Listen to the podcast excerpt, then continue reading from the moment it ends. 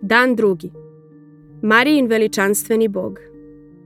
Moja duša veliča gospoda i moj duh kliče u Bogu mom spasitelju, jer je video poniznost svoje služiteljke. Od sada će me svi narašta izvati srećnom, jer je silni za mene učinio velika dela. Njegovo ime je sveto i on je iz pokolenja u pokolenje milostiv onima koji ga se boje. Silna je dela učinio svojom desnicom. Raspršio je ohole i njihovu uobraženost, vladare zbacio s prestola, a ponizne uzvisio. Gladne je nasitio dobrima, a bogate otpustio praznih ruku. Došao je da pomogne svome sluzi Izraelu. Setio se da bude milostiv Avramu i njegovim potomcima doveka, kao što je i obećao našim pravcima.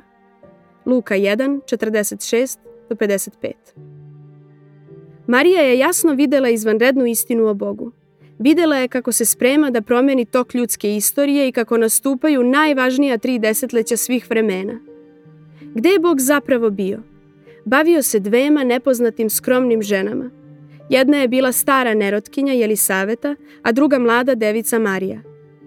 Mariju je toliko dotaklo viđenje o Bogu i njegovoj ljubavi prema uniženima da je spevala pesmu koja je kasnije postala poznata pod nazivom Magnifikat ili Marijin hvalospev. Marija i Jelisaveta su predivne junakinje Lukinog izveštaja. Dopala mu se njihova vera, a izgleda da su njihova uniženost, radosna poniznost i pokornost Bogu ostavili na njega najveći utisak, pa je to hteo da istakne i Teofilu, plemenitom čitaocu svog evanđelja. Jelisaveta je rekla, čime sam zaslužila da majka moga gospoda dolazi k meni? A Marija je rekla da je Bog video poniznost svoje služiteljke.